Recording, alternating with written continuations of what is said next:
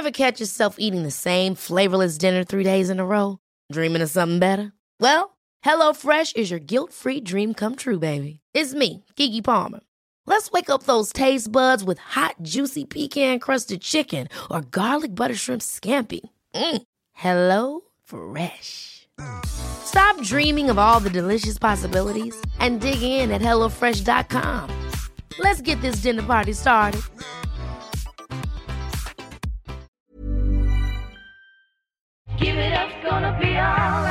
Velkommen til podkasten Helt konge. Mitt navn det er Øystein Pettersen, og jeg, jeg er en enkel fyr som har levd store deler av livet mitt i og rundt toppidrettsmiljøet i Norge. Og der, der har jeg hatt æren av å jobbe med og lære av noen av de råeste idrettsutøverne Norge noensinne har fostra. Og det har gjort meg lidenskapelig opptatt av hva er det som ligger bak det å få til noe. Den klokka der, den blir folk eh, nervøse av. Men jeg tenker jo det, Jon, at du som utsetter folk for så mye eh, prøvelser, du blir, du blir ikke så stressa av en nedtellingsklokke, håper jeg? Nei, det går, pleier å gå fint, det. Det kommer litt an på hva det er, da. Ja, nå er det podkast, da. Blir du stressa av det, eller? Nei. Nei, det er veldig fint. Du, eh, Jon Hammersmark, gjest i Helt konge. Det må jeg si at det er, det er Helt konge. Det gleder jeg meg til. Vi er jo eh, det, Du er en mann som eh, jeg lar meg fascinere av. Masse, utrolig mye, mye spennende å prate med deg om, men eh, ryktene sier at vi har møttes en gang. Det har vi. Ja, og det er så, det er så teit at jeg ikke husker det. Eller sånn, Det burde jeg jo huske, men det, det gjør jeg ikke. Men fortell. Det er ikke så veldig rart at ikke du husker det. Det var uh, Marcialonga Lurer på om det var 2019. Uh, da var jeg der med Nye Høyder og en kompisgjeng. Uh, vi konkurrerte på et litt annet nivå enn deg.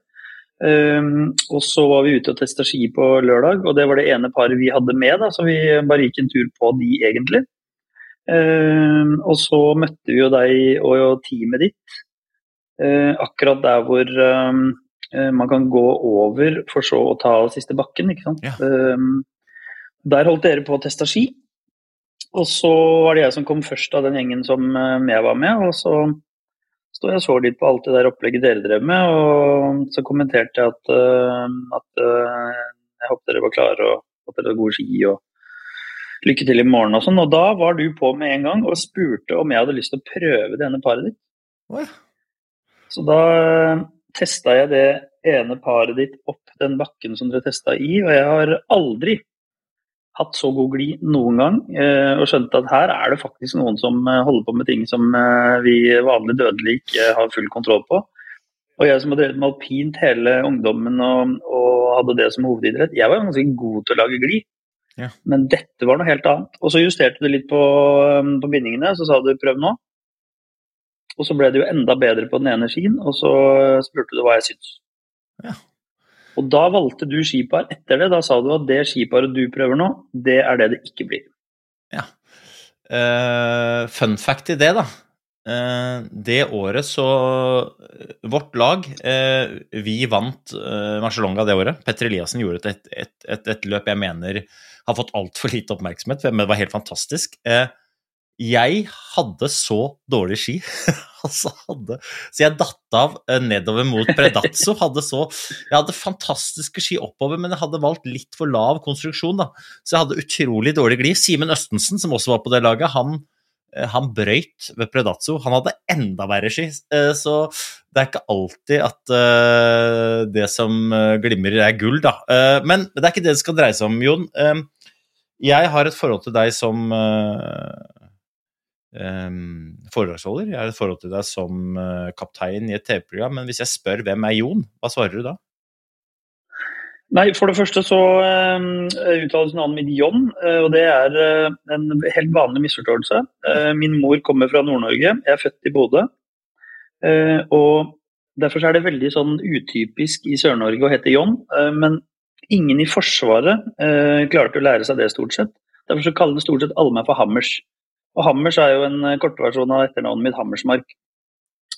Uh, nei, så jeg er jo egentlig uh, vesentlig mer uh, skapt av 23 år i Forsvaret enn å holde foredrag og være kaptein i Kompani Lauritzen.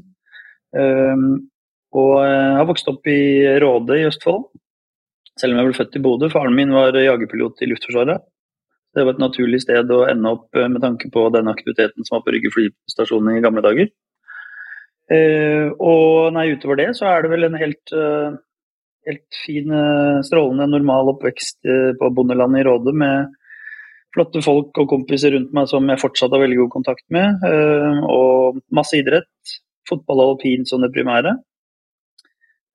litt langrenn, litt motocross, litt vannski eh, osv. Så, videre. så eh, begynte jeg i Forsvaret da jeg var 19. Og når du sier at det er forma av Forsvaret, da, John Jeg er jo tilpasningsdyktig. Jeg vokste opp med Bruce Lee, så han sier jo 'be like water', så det, jeg, jeg, har ikke noe problem med å kalle deg for John. Men altså, når du sier du er forma av Forsvaret, hva mener du med det? Nei, det er jo Altså, jeg kom jo inn i Forsvaret som 19-åring rett fra videregående, eh, russetid. Jeg ble klipt på nachspiel av tre jenter, for jeg hadde ganske langt hår. Eh, og de nekta å klippe håret mitt, så jeg tok luggen selv helt inntil. Og da måtte de bare rydde opp, så det var ikke noe valg. Det var en lørdag, eh, eller egentlig en natt til søndag. Da. Og på mandag så dro jeg på befalsskoleopptak i Harstad. Og på det tidspunktet så var nok jeg en som ganske normalt, relativt ustrukturert øh, Visste ikke helt hva jeg ville. Øh, var veldig god fysisk form. Øh, hadde gjort det ok øh, pluss på skolen. Men jeg hadde veldig veldig nytte av de faste rammene og de høye kravene. Og den fine pedagogikken som jeg mener Forsvaret driver med. Da.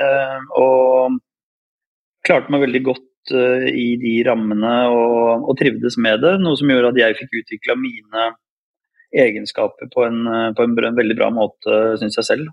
Og hva, akkurat hva, hva, med det er det som fascinerer deg? Altså, hva, hva, med konseptet Forsvaret, eller hva med læringsmetodikken, eller hva med liksom gruppedynamikken er det som, som fascinerer? Nei, Det første er jo at, at, stort sett det meste er nytt. Og selv om jeg var i veldig god form, så eh, er du ganske dårlig til å gå lange marsjer med tung sekk de første gangene. Og når du har gjort det en del ganger, så blir jo det ganske greit. Men det blir jo Altså, det er jo aldri lett. Det er alltid tungt. Det er slitsomt. Men du blir jo sterkere og sterkere egentlig uten at du merker det, fordi at progresjonen øker. Og så er det en lang, lang rekke tekniske og taktiske ferdigheter du skal lære deg. Alt fra skyting til hvordan du gjør ting. Hvordan setter du opp en hurtigbivakk, en nødbivakk, på veldig, veldig kort tid når det blir storm. Um, hvordan tar du vare på deg selv når det er 30 minus og dårlig vær på fjellet i Nord-Norge på vinteren? Alle de tingene skal du lære i løpet av et år. Uh, og kanskje, kanskje, mest fascinerende er jo at, at, du lærer deg virkelig at laget er viktigere enn individet. Altså Her må alle gjøre så godt de kan. Uh, det er alltid noen som er nede, andre som er oppe, og så må vi rullere på hvem som tar hvilke belastninger når. Eh, fordi at man lærer jo det at det ikke finnes supermenn. Det er aldri noen som er aller best i alt. Eh, og da må vi jobbe sammen. Eh, lære hverandre å kjenne, lære hverandre å respektere hverandre og den forskjelligheten som alle representerer. Og så finnes det ikke noe snarveier til det, for du står i det, du er i det. Du skal være i det ukevis på de lange øvelsene. Og da er det ikke noe vei utenom. Det, så du må rett og slett bare lære. Er det noe som du på en måte har reflektert over i ettertid, eller var det noe som du skjønte når du var der? Nei, de første åra så skjønte jeg ingenting av det. Da, da, blir du bare Altså, da tenkte jeg bare at jeg skulle gjøre så godt jeg kunne, og noen ganger så var jeg ikke i stand til det heller. Fordi du blir litt demotivert i perioder. Det er mye press, det er mye greier, det er ubehag over tid. Um, og um, jeg tror at um, jeg alltid i en eller annen grad har vært litt drevet av konkurranse. Altså at jeg vil gjøre det bra. Eh, jeg tror jeg har vært revet av eh, eh, å strekke meg etter å tåle så mye som jeg kunne tåle.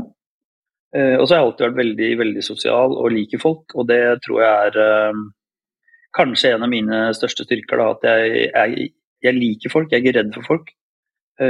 Og, og trives egentlig sosialt. Da. Og jeg tror det er en sånn nyttig egenskap å ha hvis man skal være leder, eller hvis man skal hva skal jeg si, ehm, ikke være redd eh, i møte med andre, da. Jeg, jeg, jeg skulle til å si at det, det, er vel ikke noe Jeg kommer i hvert fall ikke på noen situasjoner hvor det, de egenskapene der sånn er et drawback, i hvert fall. Nei, jeg tror ikke det, altså. Men det er jo det er klart at det er jo ganske mange som, som, føler et visst ubehag og en grad av nervøsitet i mange sosiale sammenhenger hvor jeg egentlig er helt avslappa og trives. da. Um, og det Jeg tror det er en av fryktelig mange ting som jeg har um, lært naturlig ved å være i Forsvaret, hvor du som jeg sa, det finnes jo ingen snarveier der. Du må, enten så er du med, eller så er du ikke med. Enten så gjør du jobben din, eller så gjør du ikke jobben din. Og gjør du ikke jobben din på befalsskolen, så kommer du ikke gjennom. Og det samme gjelder jo senere på krigsskole og stabsskole og eh, høyskole, Forsvarets høgskole og eh, alle de forskjellige tingene jeg har vært med på i spesialstyrkene. Så enten så er du med, eller så er du ikke med. Men er ikke, pirker du ikke litt borti liksom selve kjernen ved det å drive med utvikling eller eventuelt lære seg nye ting, da, at det er et ubehag der, og ubehaget det representerer jo usikkerheten, fordi at du gjør noe du egentlig ikke har forutsetning for å mestre 100% men det er bare én måte å, å, klare det på. Det er som du sier, enten så er du med, eller så er du ikke med. Da. hvis du er med, så, så bygger man jo trygghet i det, men da må man òg bygge tryggheten rundt vissheten om at du har egentlig ingen forutsetning for å mestre dette enda. Ja, altså det er jo eh, nok av forskere som har stadfesta det faktum at uh, sterk læring stort sett foregår uh, nest, altså om ikke utelukkende, det vet ikke jeg, men min erfaring er i hvert fall at sterk læring foregår utenfor komfortsonen. Der hvor du kjenner på ubehaget, der hvor du ikke er trygg, der hvor du gjør ting som du enda ikke har gjort 10 000 ganger. Når du er der ute og kjenner på det ubehaget og den utryggheten, uh, så får du sterk læring, og det sitter og jo mer du gjør det, jo, eh, jo tryggere blir du jo på dine egne styrker og fortrinn. Men, men, jeg er ikke sånn veldig opptatt av at, liksom vi, ha, at vi bare skal ha fortrinn. Jeg er veldig opptatt av at folk i mye større grad burde, burde ha som ambisjon å få et avklart forhold til seg selv. Altså at vi innrømmer for oss selv at vi har noen styrker og fortrinn, men så har vi selvfølgelig noen svakheter og sårbarheter også. Og så tørre å sortere de og stå for de, og dermed tørre å være seg selv. Versus å prøve å spille skuespill i eget liv, for det er veldig slitsomt. Uh, og så er det Hvis du f.eks. er leder, så er det helt umulig å uh, oppnå tillit hos de du leder, hvis du ikke tør å være deg selv. For du blir gjennomskua. Oh. Her er det eh, Du tar opp mange ting. der. Ubehag, utvikling, komfortsone, tillit. Eh, kan jeg få lov til å ta ett skritt tilbake? Og så liksom, vi kjenner deg jo, De fleste da, kjenner deg jo aller mest og best fra, fra Kompani Lauritzen, som kaptein der. Hvis, mm. hvis, jeg spør deg, hva dreier Kompani Lauritzen seg om for deg? Altså, hva, hva, hva, dreier det seg om sånn destillert? Hva mener du det egentlig dreier seg om? Ja, Destillert og tabloid så handler det utelukkende om personlig utvikling. Uh, I en setting som er uvant for de som skal utvikles. Hvis du, Finnes det en som ikke er tabloid? Som var din personlige mening, eller er du enig i, i, det du nettopp sa? Nei, jeg er enig i det jeg sa nå, men helt reelt så er, jo, så er det jo så enkelt at um, altså, Det er jo mange av mine um, kolleger eh, som fortsatt jobber i Forsvaret, og som vi diskuterer jevnt og trutt at vi skulle ønske at flere av ungdommene i dag hadde fått gjennomført førstegangstjeneste. Eh, og det er jo for så vidt eh, en sånn litt romantisk forestilling om at uh, de fleste har gått av uh, i selvstendighetsjakten og så få et sånt år hvor du brytes hjemmefra, hvor du blir stilt krav til, og hvor du lærer veldig mye om hva du kan få til sammen med andre, selv om det er tungt, eh, osv. osv. Men hvis vi ser på eh, hva som på et vis er litt i ferd med å skje med samfunnet vårt, da, hvor også noen trender som, som er litt plagsomme, bl.a.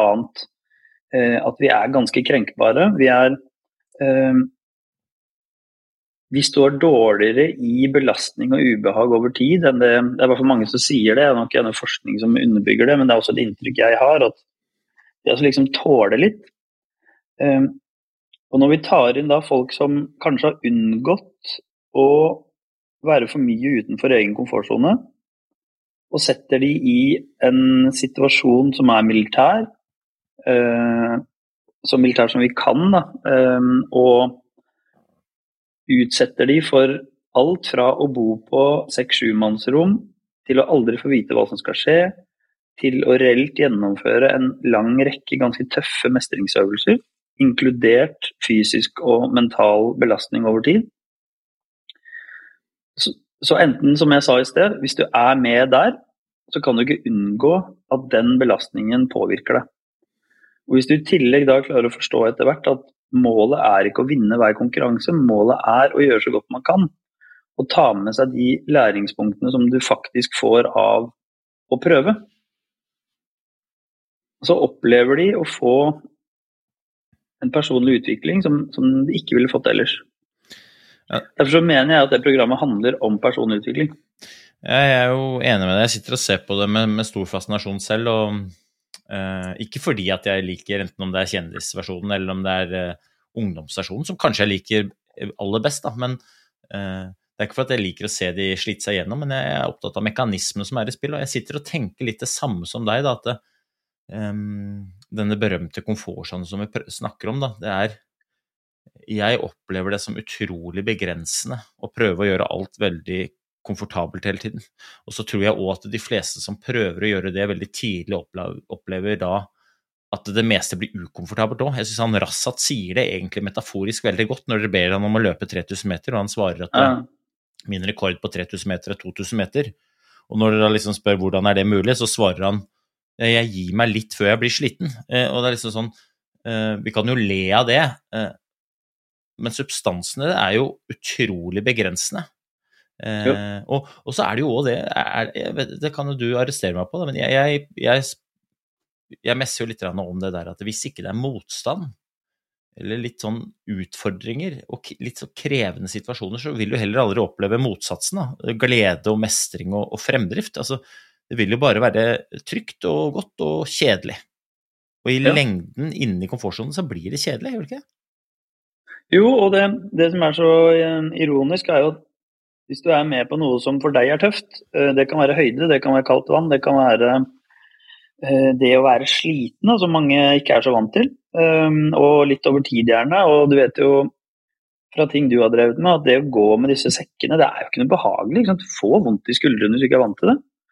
Du, du, blir, du får så, gnagsårfølelse på hoftene, og, og det er mange ting som, som gir deg negativ eh, tilbakemelding underveis.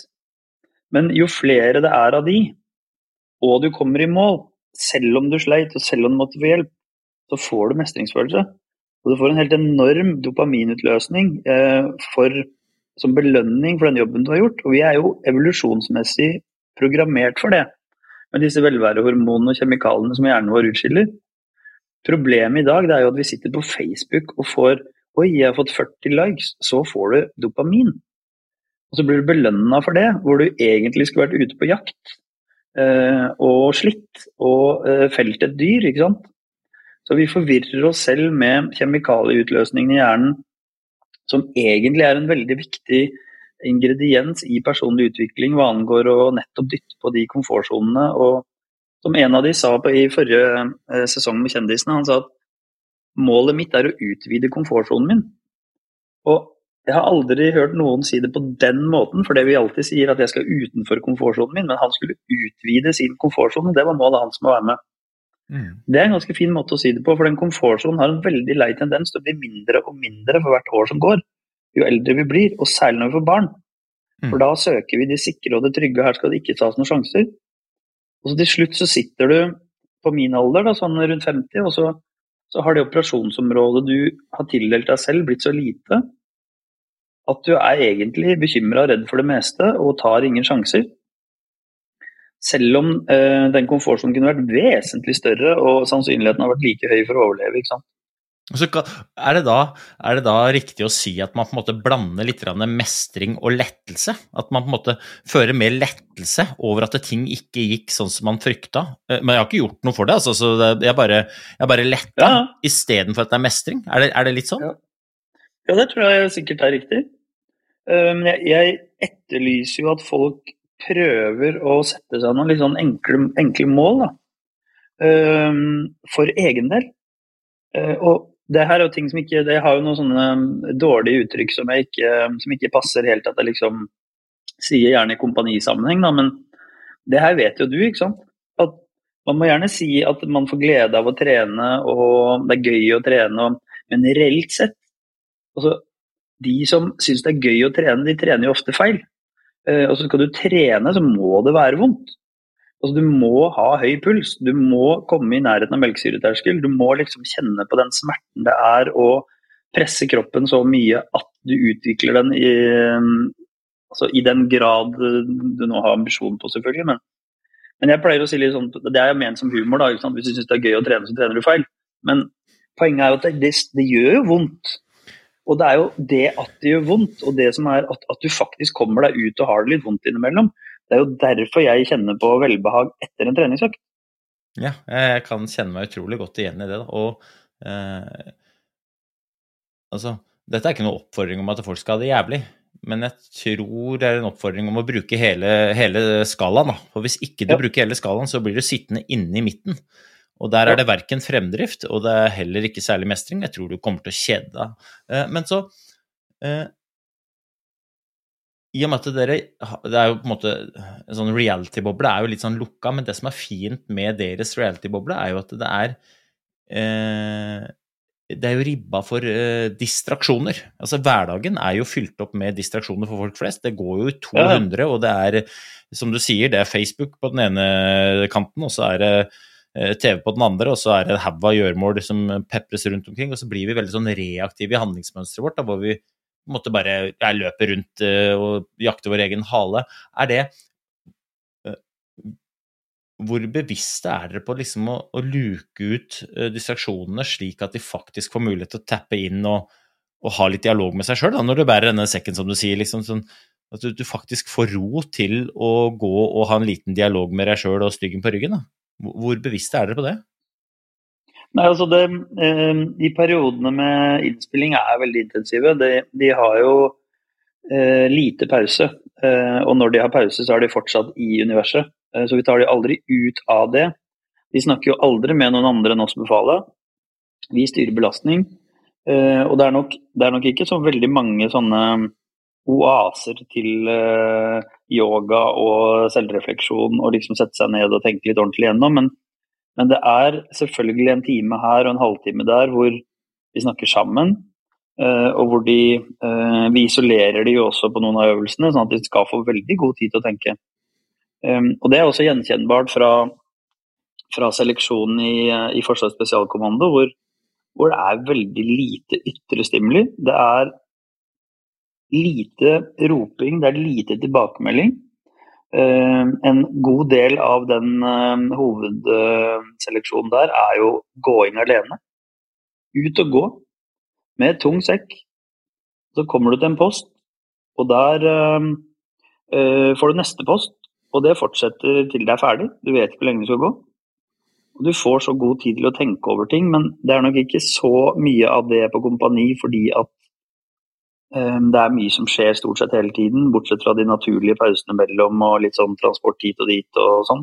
Ja, du har ehm. underholdnings, har jo på en måte et underholdningsperspektiv å ivareta, men sånn isolert sett, for også om det er å drive med selvutvikling, som du sier programmet handler om, eller om det handler om utvikling i seg sjøl, det å gi seg selv uh, forutsetninger for og, og, forhold til å faktisk uh, tappe inn, da.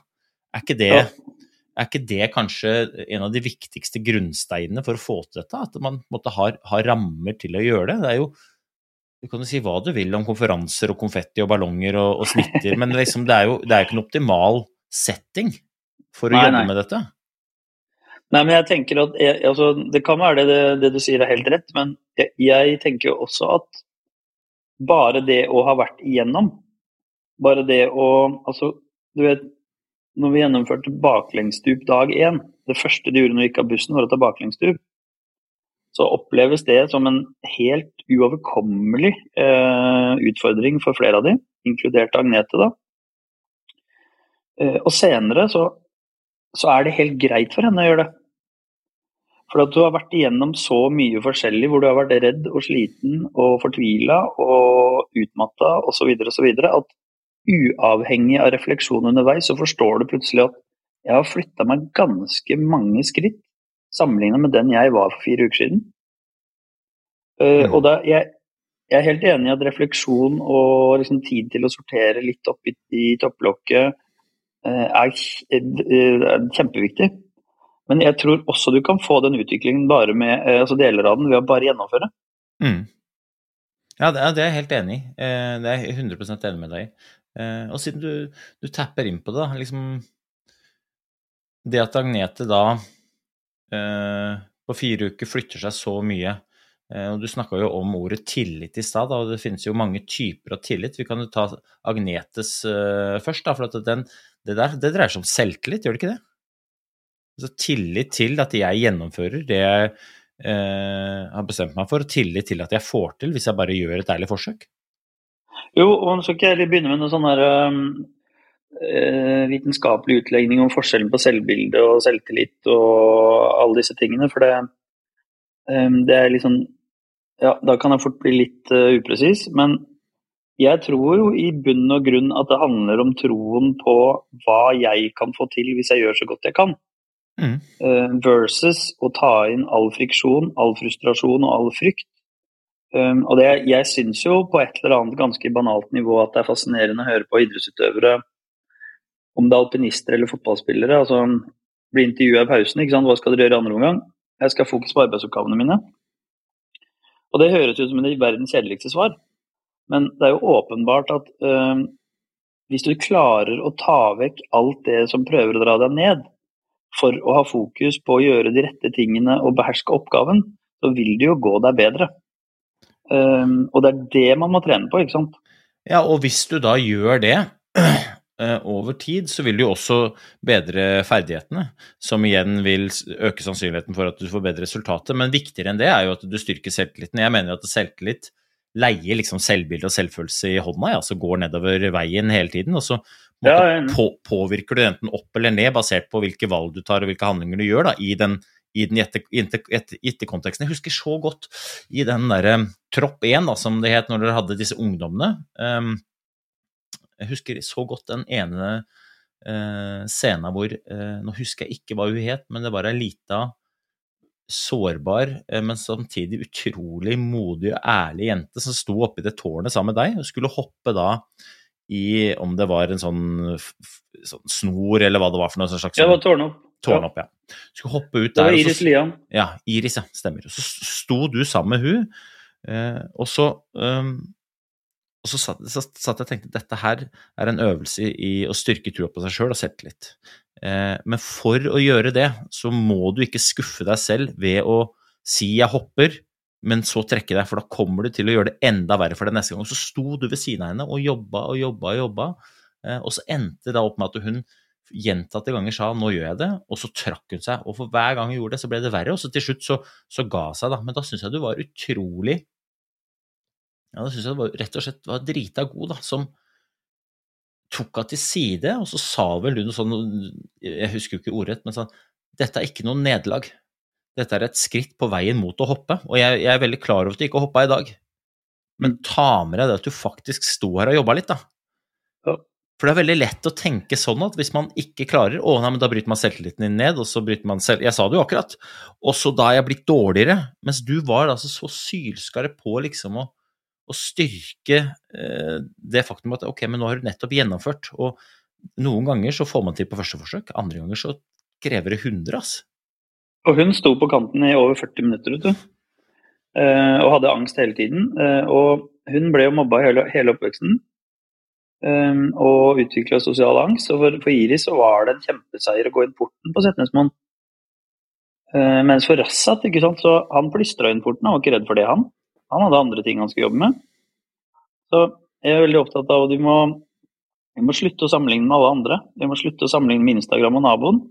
Og så må vi begynne å sammenligne med oss selv. Vår kontekst, vår historie, våre opplevelser, vår status. Og så må vi ta et skritt av gangen i den retning vi vil.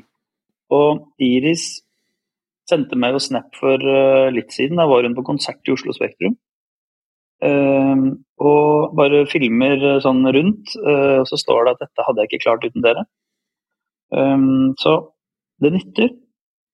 Men det er ubehagelig. Det er kjempeubehagelig. Og så finner du jo etter hvert ut at det er ikke alle som vil meg vondt. Eh, det er faktisk folk der ute som vil meg vel. Eh, og så bygger man eh, tillit til det, og så blir det rett og slett lettere å leve, da. Hun jobber på kjøkkenet ved Setermoen leir nå, det er Norges største militære kjøkken. De serverer 1400 soldater tre ganger i døgnet. Det er en maurtue. Hun stortrives, skal bli kokk. Det der er altså Ja, det er så godt å høre, da. Det er jo litt sånn når man snakker om eh, liksom Kompani Lauritzen og Dag Otto står der og snakker om at det skal bli den beste utgaven av seg sjøl, så er det lett å høre liksom at dere skal bli verdensmestere. Men det dreier seg jo mer om å mestre verden enn å bli best i verden. Eh, og, liksom, og da må man, som du sier, bruke seg sjøl som utgangspunkt. men det er, ikke, er det ikke det som er litt av utfordringen da, i dagens samfunn? At eh, det er ikke så mange som, som bruker seg sjøl som utgangspunkt. Vi bruker jo, og heller ikke når du og jeg vokste opp, da, med da, da, brukte vi eventuelt brukte vi nabolaget da, som, liksom, ja. som, som, standard, men nå er det jo hele verden, og det er ofte de som har millioner av uh, tomler opp på ting de legger ut, som er liksom lista. Det er klart, Da er det veldig lett å føle at man ikke er god nok og ikke strekker til, og at uh, det ene og det andre det, det, er jo sånn, det er jo en negativ spiral som bare sår usikkerhet, tvil ja, og dårlig selvbilde og selvfølelse og selvtillit og alt, er det ikke?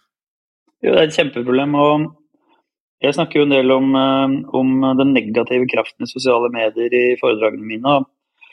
Jeg er jo ganske bekymra for, for, eh, de som tar inn det presset. Eh, og som tror at de perfekte bildene på Instagram at det representerer et liv. Det gjør jo ikke det. Det er et øyeblikksbilde som er laget for reklame. ikke sant? Og det er ganske skremmende å se unge mennesker som ser de bildene og, og tror at det representerer et liv og begynner å jakte på det som en ambisjon. For det du driver med da, det er å jakte på noe som ikke fins.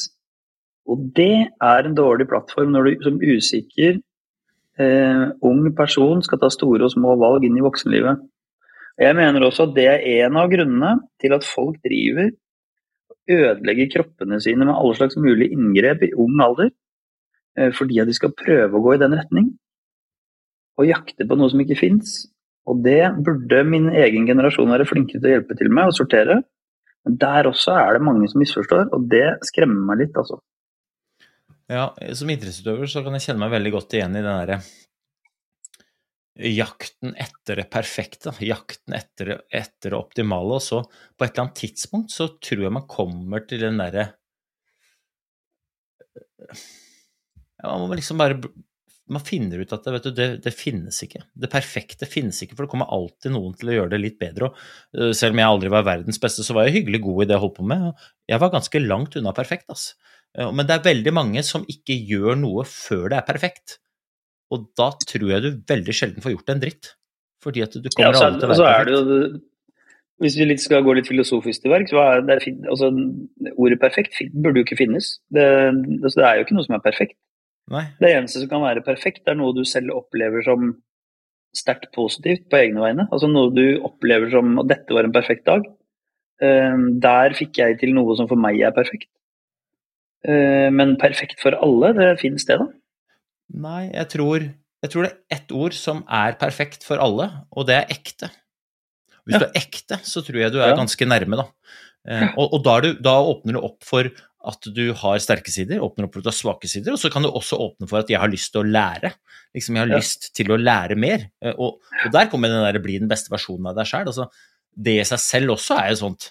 Jeg tror aldri vi blir den beste versjonen av oss selv, for vi kan jo alltid bli litt bedre, kan vi ikke det? Så man må jo håpe at man er på sitt beste den dagen det går skikkelig skeis, da den dagen ja. Eh, ting er, er, over, at man var på sitt beste da, da. For hvis ikke så har man jo på et eller annet tidspunkt begynt å gå nedover igjen, eller kanskje vedlikeholdt. Sånn. Det er i hvert fall to ting jeg ikke liker. Vedlikehold og det å, å, bli dårligere. Det er to ting jeg ikke liker. Det er jo det sånne kjente uh, slogan fra spesialstyrkene. Det er jo at uh, you do not rise to the occasion, you sink to the level of your training. Sånn, så du, du, blir jo ikke genial den dagen det virkelig gjelder, hvis du ikke har gjort grunnarbeidet. Eh, for da synker du ned til treningsnivået ditt. Ja, og da må folk stille seg spørsmålet hvor godt trener jeg? Mm. Og hvis svaret på det er dårlig, Så får vi håpe at det er litt tid før du kommer eh, i en situasjon hvor den treninga blir satt på prøve. Ok, men Ja. du, du, du, du, du tar jo opp I starten så snakker du om tillit. Altså, så dette programmet dreier seg liksom om, om selvutvikling. Og, og en del av greia her er jo eh, tillit. Altså, jeg mener jo at det der må baseres på tillit. Eh, hvordan er det dere går fram for å skape tillit? For det er jo mange former for tillit som er i spill her. Én ting er jo tilliten deltakeren får til seg sjøl. En annen ting er tilliten deltakeren har til dere som skal hjelpe dem, og så er det den tilliten som er internt i gruppa. Hvordan går dere fram for å på relativt kort tid bygge den tilliten sterkest mulig? Nei, den, eh, jeg, jeg tror ikke at, eh, at alle, og særlig noen av de unge, opplever tillit der. Jeg tror, jeg tror at noen av de eh, på et eller annet nivå opplever at vi plager dem. Ikke sant? At vi utsetter dem for ting som de syns er så ubehagelig, og som passer så dårlig med deres eh, selvbilde og, eh, og ønsker. da. At jeg er ikke sikker på at alle de uh, ville sagt at de opplever masse tillit uh, til befalet. Uh, for det vi byr på, er jo en, en, veldig annerledes situasjon hvor vi gir direkte tilbakemeldinger. Altså vi gir ingen ondskapsfulle tilbakemeldinger, men vi gir, vi gir direkte tilbakemelding på ting som de ofte aldri har fått tilbakemelding på. Det ser du også på kjendisene, med reaksjonene de får i tilbakemeldingssituasjonen. Uh, hvor sterkt de reagerer på det. Uh, så jeg vil heller si at i en mer altså Husk på at vi, det vi driver med på kompani, er jo til en grad å lage psykologisk utrygghet. Noe vi ikke skal drive med på arbeidsplassene våre eller i familiene våre eller i normale omstendigheter, men vi gjør det for å skape en situasjon hvor den personlige utviklingen kan bli så sterk som mulig på så kort tid som vi har. Um, og Derfor så har vi også en del oppfang og sikkerhetsnett, bl.a. I, um, i form av uh, militærpsykiater Jon Reichelt, som uh, vi nå uh, har fått med. Og har et apparat for å liksom sørge for at folk ikke faller, da, ikke for det er jo en risiko når man driver på med sånne ting. Og faller de, så må vi bygge de opp igjen og ha en plan for det. For det, det er ikke så lett å forutsi hvordan mennesker som allerede, særlig de unge, da, har Det er folk som har problemer reelle problemer. Fra sosial angst, som har blitt mobba, som har uh, veldig lav selvtillit. Uh, noen har hatt spiseforstyrrelser. Uh, det er en miks av utfordringer som representerer utfordringer som folk der ute også har. Så det er klart at vi balanserer jo på, på en eller annen form for egg, da. Og jeg er ikke sikker på at de alltid føler tillit, men i hvert fall ikke i begynnelsen. Etter hvert så skjønner de jo at at de har godt av det de er med på, gitt at de orker å stå i det. ikke sant? Men i begynnelsen så er de jo redde for oss.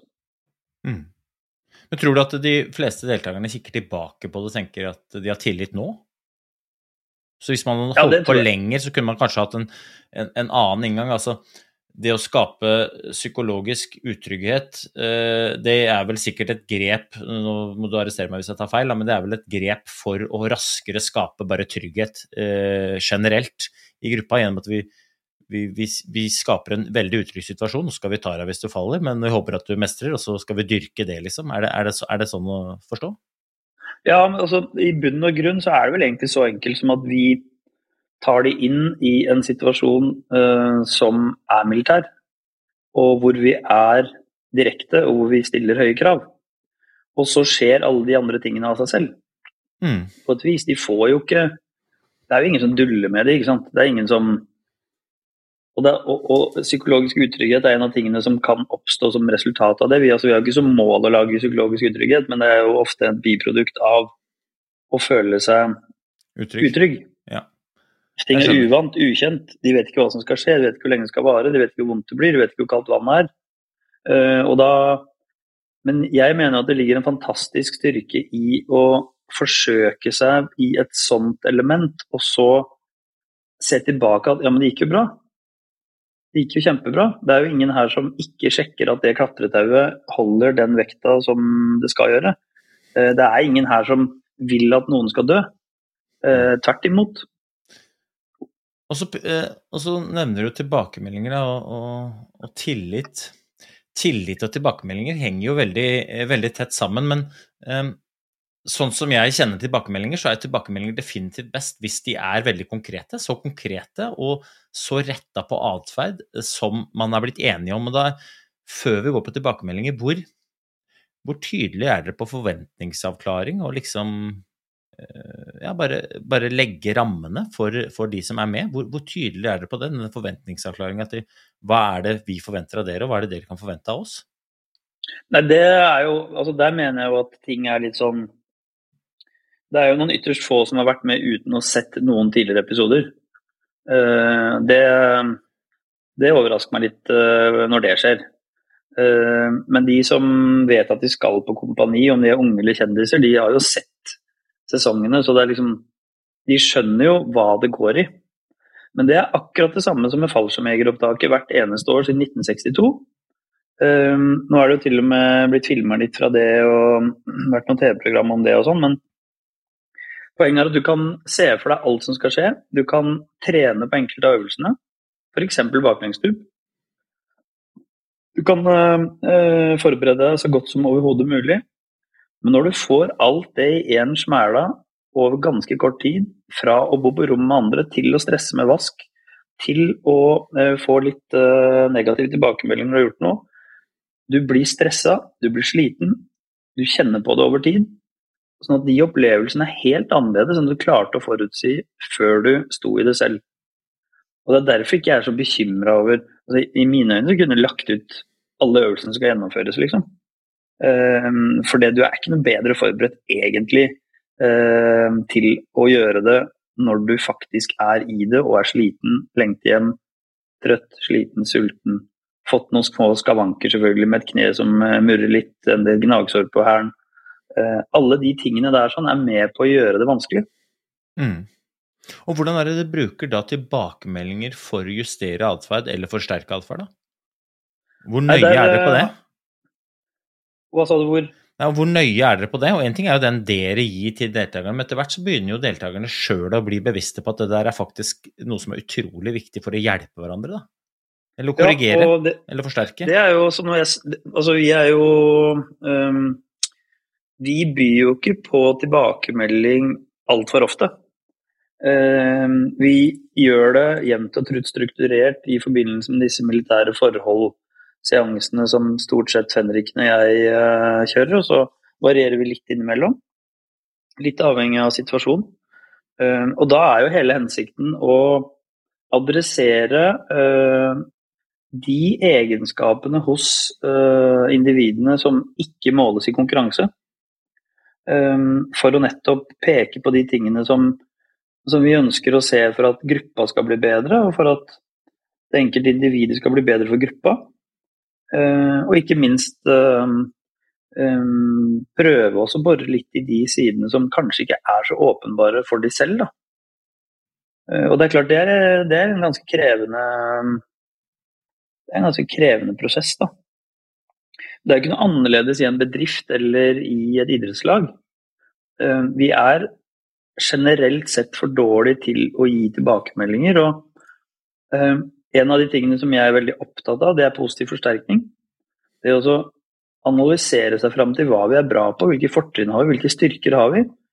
Og sørge for at de ikke bare overlever, men at de forsterkes.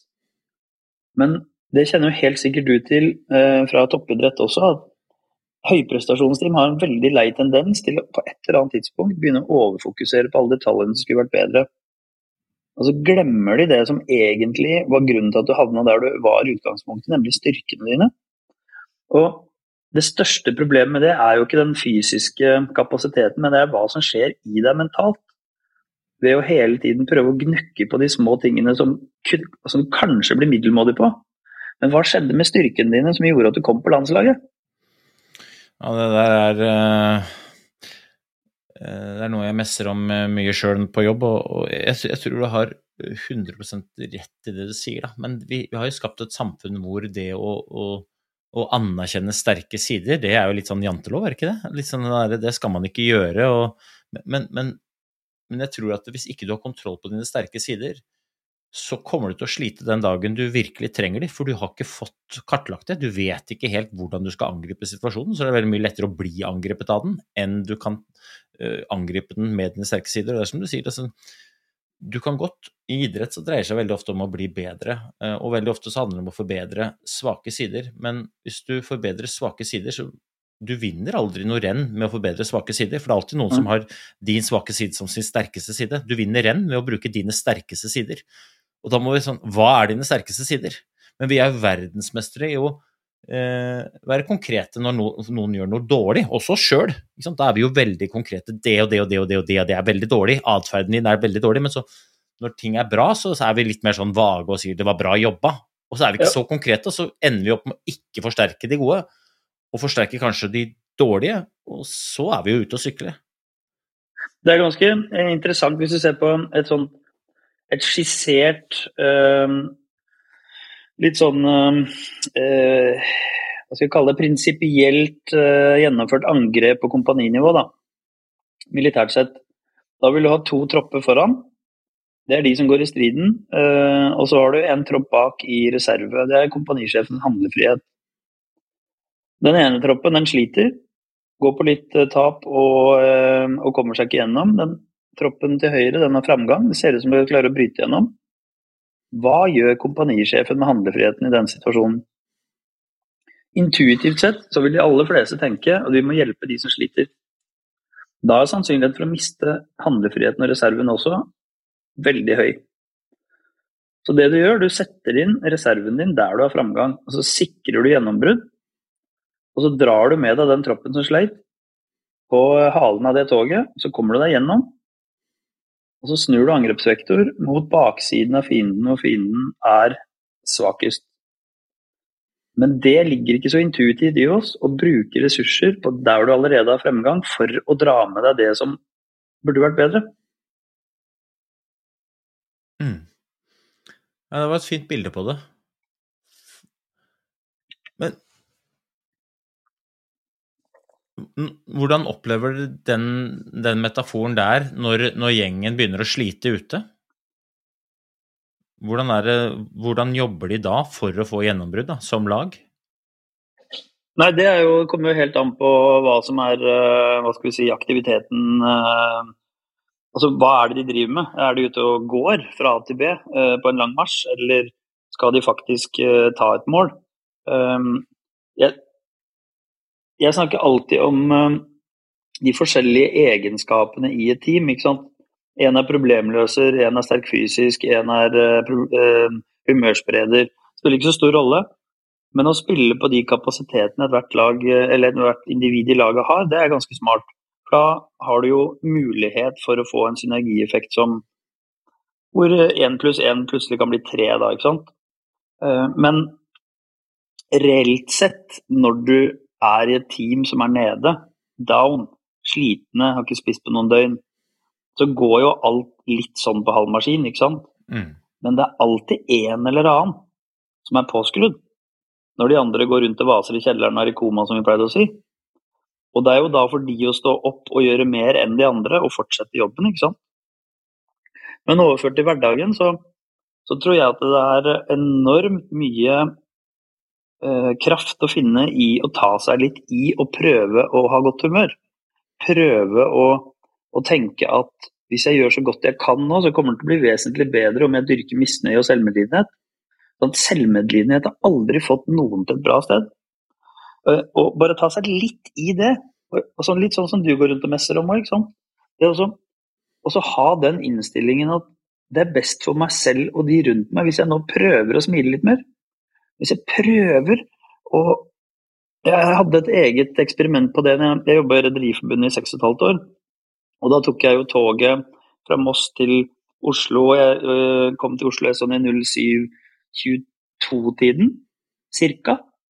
Eh, og da måtte jeg gå på vinteren, så gikk jeg jo gjennom sentrum og bort til, øh, til bygget til Rederiforbundet. Det var sånn ti minutter gange. Sykla bysykkel på, på sommeren. Men på vinteren i Oslo 0722, da er det så mange som ser så mørke ut, og som virkelig ikke ser ut som de gleder seg til å gå på jobb. Og så tenkte jeg at jeg skulle prøve et lite eksperiment. Så sånn, litt nå og litt da så tok jeg meg i å gå og smile til folk. Og sånn ordentlig smil. Gikk og hørte musikk på ørene og så smilte jeg og så det i øynene, og så sa jeg hei hvis det øh, var, øh, ikke ble for gærent å gjøre det. Og så kan man se reaksjonen til de jeg gjorde det til. Alle smilte tilbake. Alle kvikna opp. Alle så ut til å ha ti sekunder av livet sitt litt hyggeligere enn det de hadde før jeg sa det. Og bare sånne små ting. og prøve, altså Nå er ikke jeg den som kanskje klarer å gjøre det selv hele tiden, jeg heller, i det hele tatt. Jeg er en helt vanlig person. Men å være litt mer bevisst på de tingene. Vennlighet er ekstremt smittsomt. Det er ingen negative bivirkninger. Ja, altså jeg eh, gikk, Jeg var med på 71 grader nord i ja, det var vel kanskje 2019 eller 20, eller jeg husker ikke. jeg. Men da var vi jo eh, var Vi gikk jo en gjeng, og da, da sa jeg til gjengen og, at eh, energi følger fokus, sier jeg liksom. Ja. Det du fokuserer på, det kommer du til å se en del av. Det kommer til å øh, føles på kroppen. Eh, og nå skal vi gjøre mange kjipe ting. Jeg husker spesielt en sånn dust etappe hvor vi gikk over, eh, over Hardangervidda med to dumme hester. Og det var liksom Det var veldig lett å begynne å leite etter ting som var kjipt. Ja. Men det ville gjort det enda kjipere. Og så bare fikk vi det inn under huden, da. Og, og en gang man skjønner det, da, så, så blir man utrolig bevisst på å se etter ting som kan være ålreit. Eh, og, så kan man se litt sånn humor i det. Jeg var på et foredrag forrige uke, og da sa foredragsholderen at uh, livet, vet du, det er, ikke, det er, ikke, bare jobbing i motbakke. Det er noen nedturer i ny og ne også. Det, der er, det, der er sylskarpt, ass. Det der er, det er deilig å høre liksom, litt av det humor på de greiene der. Men ok. Men hva er liksom hva er gjennomgangseffekten av å banke gjennom en sånn uh, runde med kompani? Hva er, det, hva er, det, dere, men ikke minst deltakerne, sitter igjen med? Hva er, det, hva er, det, de rapporterer i etterkant? Og hva er det de tar med seg og bruker? For isolert sett så har det ikke vært så mye, da, men hvis du tør å begynne å bruke det i hverdagen over en lengre periode, så kan det jo være verdt ja, mye. Men hva er det de rapporterer? Nei, det er jo egentlig uh, et uh i så måte så er det nok kanskje litt forskjell på de unge og kjendisene. fordi at kjendisene er jo det er jo folk som i stor grad har lyktes, altså som har fått til karrieren sin, og som, som har jobb, og som uh, har det OK. Og, og, der er nok tilbakemeldingen i stor grad at de kanskje har blitt litt mer bevisste på hvor mye de faktisk kan. Det er jo en av tingene som vi ønsker å vise, at det, gitt at du ikke er psykopat, så kan du som regel mer enn du, mer enn du tror. Um, og det å få litt troen på at, at, det er faktisk en ganske reell forskjell på, på, det som er farlig og det som er skummelt. Um, og, og, som du sier, hvis man klarer å, å, å, ta med seg de tankene der inn i et mer hverdagslig tankesett, så er det klart at du vil være i stand til å få til ganske mye mer. Og kanskje du også er villig til å prøve deg på litt andre områder. Det er jo noen av disse veldig kjente som til dels har, eh, som har turt å bytte karriere. Uh, satse på et litt annet segment, og hvor det har gått kjempebra osv. Og så jeg vet ikke jeg hvor mye kompani skal få æren for det, men jeg tror jo at noen av de har justert tankesettet sitt litt. En annen ting som jeg har tenkt en del på, det er hvis man har levd av applaus lenge nok, og kanskje hvor det har starta i tidlig alder, så kan det jo være nyttig å finne tilbake til den man var før applausen tok overhånd. Um, og hvor man kanskje har i stor grad blitt den karakteren man er på TV eller scenen. da. Uh, I større grad enn man egentlig kanskje selv ønsket. Det tror jeg er ganske nyttig også å få en sånn jording tilbake til. Det er jo det som egentlig er meg. Um, det gjør det livet litt mer behagelig, da. Til de unge så, så er det jo helt reelle, sånn som med Iris f.eks., uh, helt reelle områder hvor hvor folk har fått seg en fast jobb nå. Eh, det er det flere av de i den første troppen som har rapportert. Eh, nå har vi jo spilt inn tropp to eh, like før påske, det kommer til høsten. Og det skal jeg ikke spoile noe på, men det, der, der, er det noen skikkelig sterke historier. Hvor de lærer mye og får litt mer dreisen på hverdagen når de kommer hjem, altså. Um, og det er fra å ta steget ut av sosial angst til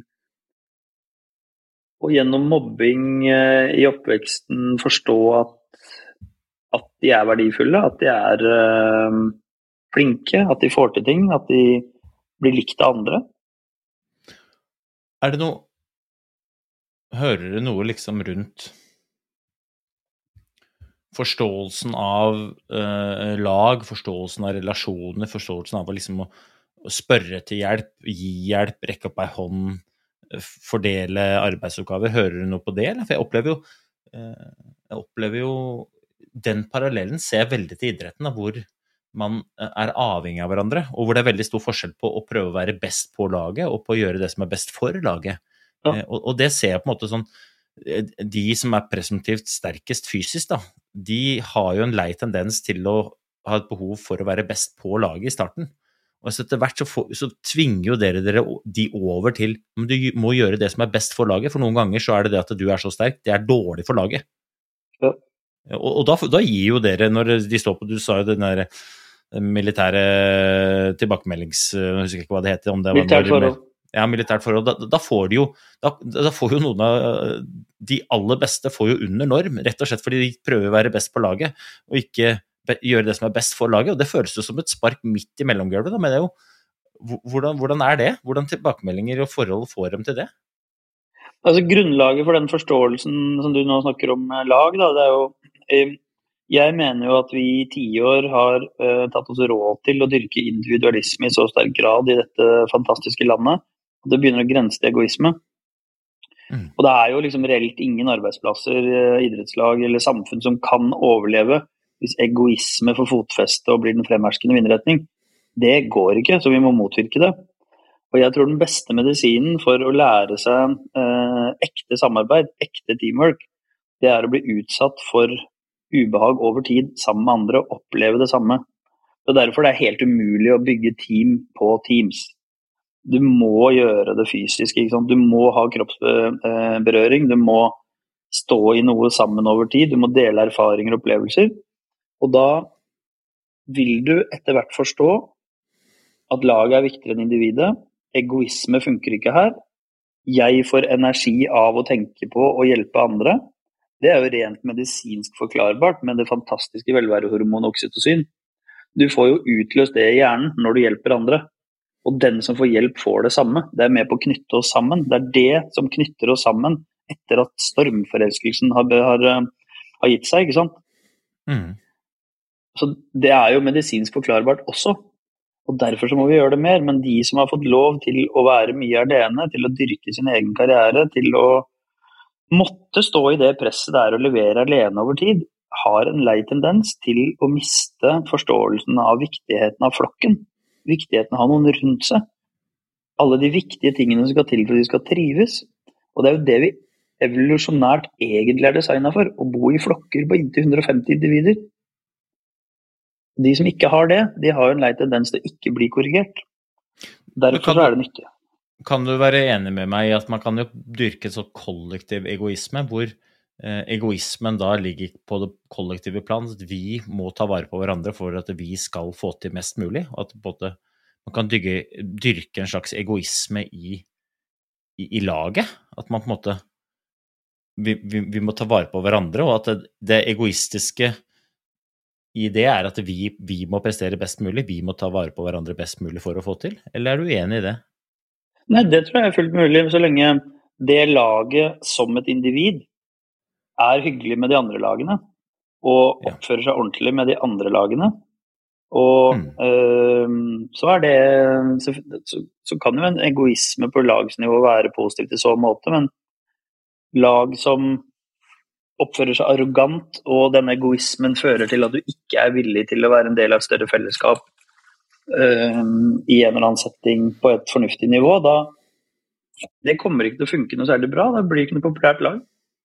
Nei, eh, og det du pirker borti der, er jo relasjoner, ikke bare internt, men også eksternt. da. Eh, jeg ser på egoisme som et positivt lada ord, og så ser jeg på egoisme eh, når det går ut over andre, så tenker jeg at det er ikke nødvendigvis egoisme som er feil, men jeg tenker du må ta deg en kikk, kikk i atferdskompasset ditt eller i verdi, Ja. verdisynet ditt. Da. Liksom at, men men jeg er jo veldig ærlig på at det å drive med toppidrett, det handler jo om å ta egoistiske valg, men aldri på akkord med verdiene eller på uh, i, I betydningen kjøre over de rundt meg. For at da vil du Kan godt hende du på kort sikt får litt bedre prestasjon og resultater, men jeg tror aldri vi vil feire de uten en klump i magen. Eller det er i hvert fall ingen der å feire de med deg, da. Ja, og det kan godt hende at det, at det er et godt poeng sånn sett, men i min bok så er egoisme et negativt lada ord. Um, og det du tegner som egoisme for meg nå, det tenker jeg mer det er profesjonalitet. Det er, det er eh, ansvaret du har for deg selv når du er toppidrettsutøver eh, på individuelt og lagsnivå, eller egentlig uavhengig om det er på lag eller eh, individuelt. Ja. Eh, men egoisme i den sammenhengen jeg pleier å snakke om det, der er det få positive eh, tanker som henger på det ordet. Ja, og jeg er jo enig, og jeg tror det har sånn historisk sett litt sånn, fått en litt sånn negativ klang, da, men eh, jeg ser på det som en positiv greie. Akkurat som tilbakemeldinger. Har litt sånn, det er litt sånn, Nå skal du få en tilbakemelding, så tenker de fleste oh no, liksom. Oh, det vet jeg ikke om jeg er klar for. Men sånn som jeg kjenner det, så er det bare et fortrinn. Det å få en ærlig tilbakemelding på noe jeg enten kan gjøre mer av, eh, fordi at jeg er veldig god på det, eller justere litt på for å få til. altså Uavhengig av hvilken av de to det er, så vil det jo målet med tilbakemelding er jo å gjøre meg bedre. Ok, men få det på. Men det er veldig mange som i, i møte med nå skal vi ta noen tilbakemeldinger, rygger litt inn og tenker det er jeg litt usikker på. Ja. Det er utrolig fascinerende hvordan man på en måte har litt sånn Vi ser framtida med hukommelsen. Altså liksom de, hvor, hvilke erfaringer man har med de ulike begrepene og settingene og situasjonene, legger veldig store føringer for hvordan man føler seg i situasjonen. Jeg vil jo anta at dere møter det veldig når dere jobber med, med folka på kompani der òg. Liksom Oi, nå kommer det til en ubehagelig situasjon. Og så hvilke erfaringer har jeg med enten denne situasjonen før eller med ubehag? Og så Nei, det er ikke så gode. Og da blir det enda verre. Istedenfor at dere gjør det jo ikke for at det skal være jævlig i seg selv. Det er ikke, det er ikke, det er ikke noe sadistprogram dere har satt opp. Det er, jo, det er jo, som du snakker om, det å drive med utvikling, ja. men det vil jo alltid være krevende. Men det er jo veldig veldig få mennesker som liker ekte tilbakemelding. Um, og når jeg um, slutta i Rederiforbundet i fjor 1.3 og skulle begynne å, å um, jobbe som profesjonell foredragsholder, så det første foredraget jeg holdt da, uh, var i Trondheim. Og da inviterte jeg en professor fra NTNU som jeg kjenner, og luftkrigsskolesjefen. Og så ba jeg de om tilbakemelding. Så vi gikk på en pub etterpå og, og tok oss en øl, og så fikk jeg tilbakemelding. Og det var ubehagelig. For det, der var ikke noe, ble ikke lagt noe mellom der, og de var helt sånn De var veldig ærlige. Ekstremt verdifullt, og jeg var kjempetakknemlig. Men det var ikke noe behagelig. Fordi at det er jo stress, særlig i begynnelsen, å holde disse foredragene. Det har jo du kjent på. Uh, og så ber jeg jo inn to meget uh, kunnskapsrike og erfar erfarne mennesker som, ja, som, gir en ordentlig tilbakemelding. Og det var ikke bare applaus, det. Så, men det er ja, det, det man lærer. Ja, ja, og det er jo det. Og det er jo litt sånn fint å høre på, da, at det liksom Jeg mener at utvikling det er en stige, og uansett hvor du er på den stigen, så er det like langt til neste nivå. Og det vil alltid være like ubehagelig. Altså, utvikling skjer der hvor det er litt ubehagelig. Og om du er helt i bånn, eller om du er langt oppi der, det er, det er den samme mekanismen som er i spill. Ja, ja, ja. Og så er det, måte, så det er jo det er fint å høre, da, for det er jo lett i den rollen eh, vi har som foredragsholdere, men også du har på, på kompani, så ligger det en slags sånn vi vet best, eh, vi gjør aldri noe feil, eh, nå skal jeg lære deg noe utrolig smart, og hvis ikke du følger med nå, så er du dum. Og det er en sånn Ja, kanskje høre litt med rollen, men jeg pleier å si det òg, faen. Jeg har ikke lyst på den rollen. Jeg vet at den kanskje vil være i spill, men ikke gi meg den. altså. Jeg deler mine erfaringer og vet at jeg struler med det samme som dere. Ja, ja, og det er, jo, det er jo det som er den største fascinasjonen, ikke sant. Det er jo ingen som har alle svarene.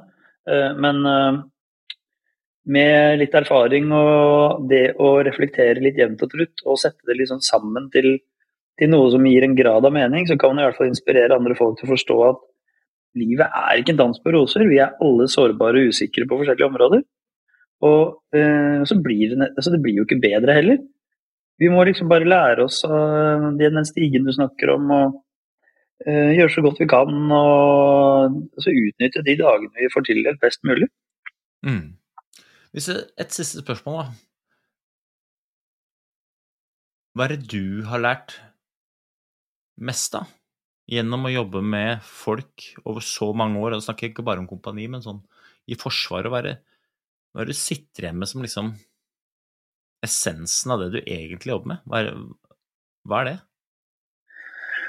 Ja, det er jo et veldig vanskelig spørsmål, men nå har jo jeg vært øh, øh, ekstremt privilegert i så måte at jeg har jobba i veldig mange år i Forsvarets spesialkommando med, med, de aller, aller beste i Norge, og sågar også på globalt nivå. Og Det er jo et sted hvor alle i utgangspunktet drar i samme retning, eh, men med veldig mange forskjellige personlighetstyper og sånn. Jeg tror kanskje at eh, for å svare på spørsmålet ditt, så må det være at at det nesten ikke er grenser for hva mennesker kan få til hvis de har lyst nok. Um, og det er på stort og smått. Fra Iris Lian som drar seg ut av sosial angst, til noen av de råeste spesialsoldatene jeg har sett, og hva de har fått til. Um, det er jo utrolig eh, inspirerende å se hvor langt vi kan dra de forskjellige tingene hvis vi bare vil nok, rett og slett. Bare se på ting du selv har gjort. Eh, jeg ble jo kjempeimponert over eh, ultraløpet ditt her eh, på Birken. Altså, det er enormt hva vi får til, så lenge vi går for det på et vis. Og for min del så, så handler det i vesentlig større grad om ikke nødvendigvis å få til så fryktelig store ting, men liksom, hvordan kan jeg ha det Hvordan kan jeg utnytte Jeg blir 50 år hvordan kan jeg utnytte de neste 30 åra nå så godt som mulig for, for min samboer og min sønn og de rundt meg og kompiser? og når skal jeg få tid til å gjøre det jeg egentlig kunne tenkt meg, å være mer sammen med de folka som, som det er veldig stas å være sammen med når vi først møtes? Altså, prøve å ha litt mer fokus på det, istedenfor jeg kommer nok ikke til å sette en ny pers i benkpress eller uh, gå Birken fortere enn det jeg har gjort med det første. Da må jeg i så fall gjøre store omlegginger i kalenderen. Det der er, uh, det der er kloke ord, ass. Du snakker jo om uh, forskjellen på bagateller og detaljer. Og vi mm. har en tendens til å blande de to litt, og noen ganger så tar vi bagatellene for detaljer, og så vil bagateller alltid være bagateller målt mot detaljer. Um, og så pirker du borti noe annet som eh, er artig, liksom med tid. Og... Det er jo aldri for seint, uh, men jeg pleier å stille spørsmål om det kan være på tide. ja, ikke sant. Men det er ganske kult. Han, han Jon Reichelt, som er militærpsykiater, han snakker jo ofte om at vi er jo stort sett bare middels alle sammen. Mm. Altså, er, er, ikke det bra nok, det? Jo, så Jeg håper da inderlig det. Eh, og så kan vi alle sammen bli bedre, men hvis alle sammen blir bedre, så vil jo bare lista for middels heves. Så da vil det jo sannsynligvis bare være i midten uansett. Nettopp. Så Nei, men det er fine ord, eh, John. Ass, faderen, jeg blir glad av å prate med deg. Jeg blir inspirert. Og håper at det andre eh, hører òg, da. Liksom, jeg syns du oppsummerer det fint. At det er ikke noen grenser altså, hva du kan få til. Så lenge du virkelig vil. Og så vil jeg kanskje slenge til, og jeg vet at du også mener det, altså, så lenge du begynner å gjøre, da. For det, det, det, hjelper ikke å ønske seg ting og sette seg i sofaen og krysse fingra og, håpe at det skjer. Altså. Er det viktig for deg, så flytt det over på målsiden og begynn å, å gjøre det. Og da, da, da, er jeg ganske trygg på at du kommer til å få til, men også kjenne på de, de følelsene som vi har prata om rundt både tro på seg sjøl og selvtillit og selvbilde og selvfølelse. Og, og livet er livet er for kort til å ikke ta sjansen, og så er det for langt til å lide seg gjennom oss. Ja, ja og, men jeg har jo en, i så måte et, eh, så flere forbilder med min egen far. Jeg avslutter med en, en historie eh, om han, fordi han blir 78 år til høsten. Og han staka Birken på blanke ski eh, i vinter, 77 år.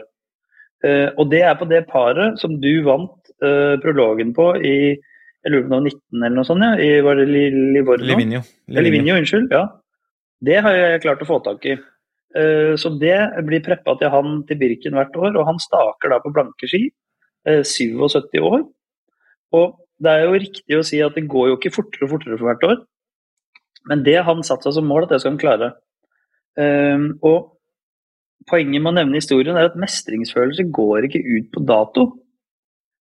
Vi har jo hytte, familiehytte på Sjusjøen, og når han sitter der på kvelden etter å ha kreka seg over fjellet på blanke ski, så er det mestringsfølelse. Og han burde være stolt over at han får det til, for det er det jaggu ikke mange som gjør på den alderen der. Eh, og derfor, mestringsfølelse, det er en fantastisk kraft. Ja. Og igjen, da, du får ikke det hvis ikke det er utfordring. Hvis ikke det er, hvis ikke det er krevende, så får du heller ikke følelsen av mestring. Og da igjen, øh, hvor god er du til å utfordre deg sjøl? Og det er fryktelig mange som skulle ønske at og Da, er vi tilbake igjen til øh, ja, men kan du ikke bare gjøre? Nei, Mm. det, var, det var nydelig. Det var en nydelig avslutningshistorie, Jon. Det skal jeg i hvert fall øh, jeg, jeg er jo der nå at jeg liksom ah, Skal jeg begynne å gå med feste i virket? Men nå har akkurat fylt 40, og da veit jeg at det blir i hvert fall 37 år til da, med blanke ski. Så får jeg følge med på hva, med på hva faren din gjør til neste år. Det er han som legger lista nå. Det er, sånn har det blitt, folkens. Uh, John, det var helt konge at du, du stakk innom. Tusen hjertelig takk. Eh, jeg lot meg inspirere og skal ta meg en joggetur i, i hyttestrøket ditt og reflektere over uh, temaene. Og så får du lagre en strålende sommer. Ta vare på deg sjæl og de rundt deg, og så håper jeg vi treffes i løpet av uh, ikke altfor lenge. Skal du få en, eh, en god klem. Takk for at jeg fikk komme, og takk i like måte. Øystein. Suverent. Ta vare, folkens. Lag en strålende sommer. It's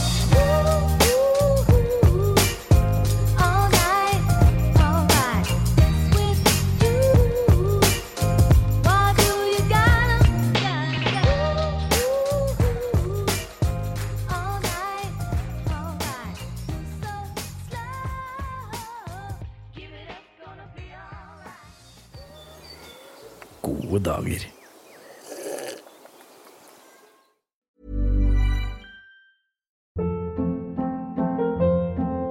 Hold up. What was that? Boring. No flavor. That was as bad as those leftovers you ate all week. Kiki Palmer here, and it's time to say hello to something fresh and guilt-free. Hello Fresh. Jazz up dinner with pecan-crusted chicken or garlic butter shrimp scampi. Now that's music to my mouth. Hello Fresh. Let's get this dinner party started. Discover all the delicious possibilities at hellofresh.com.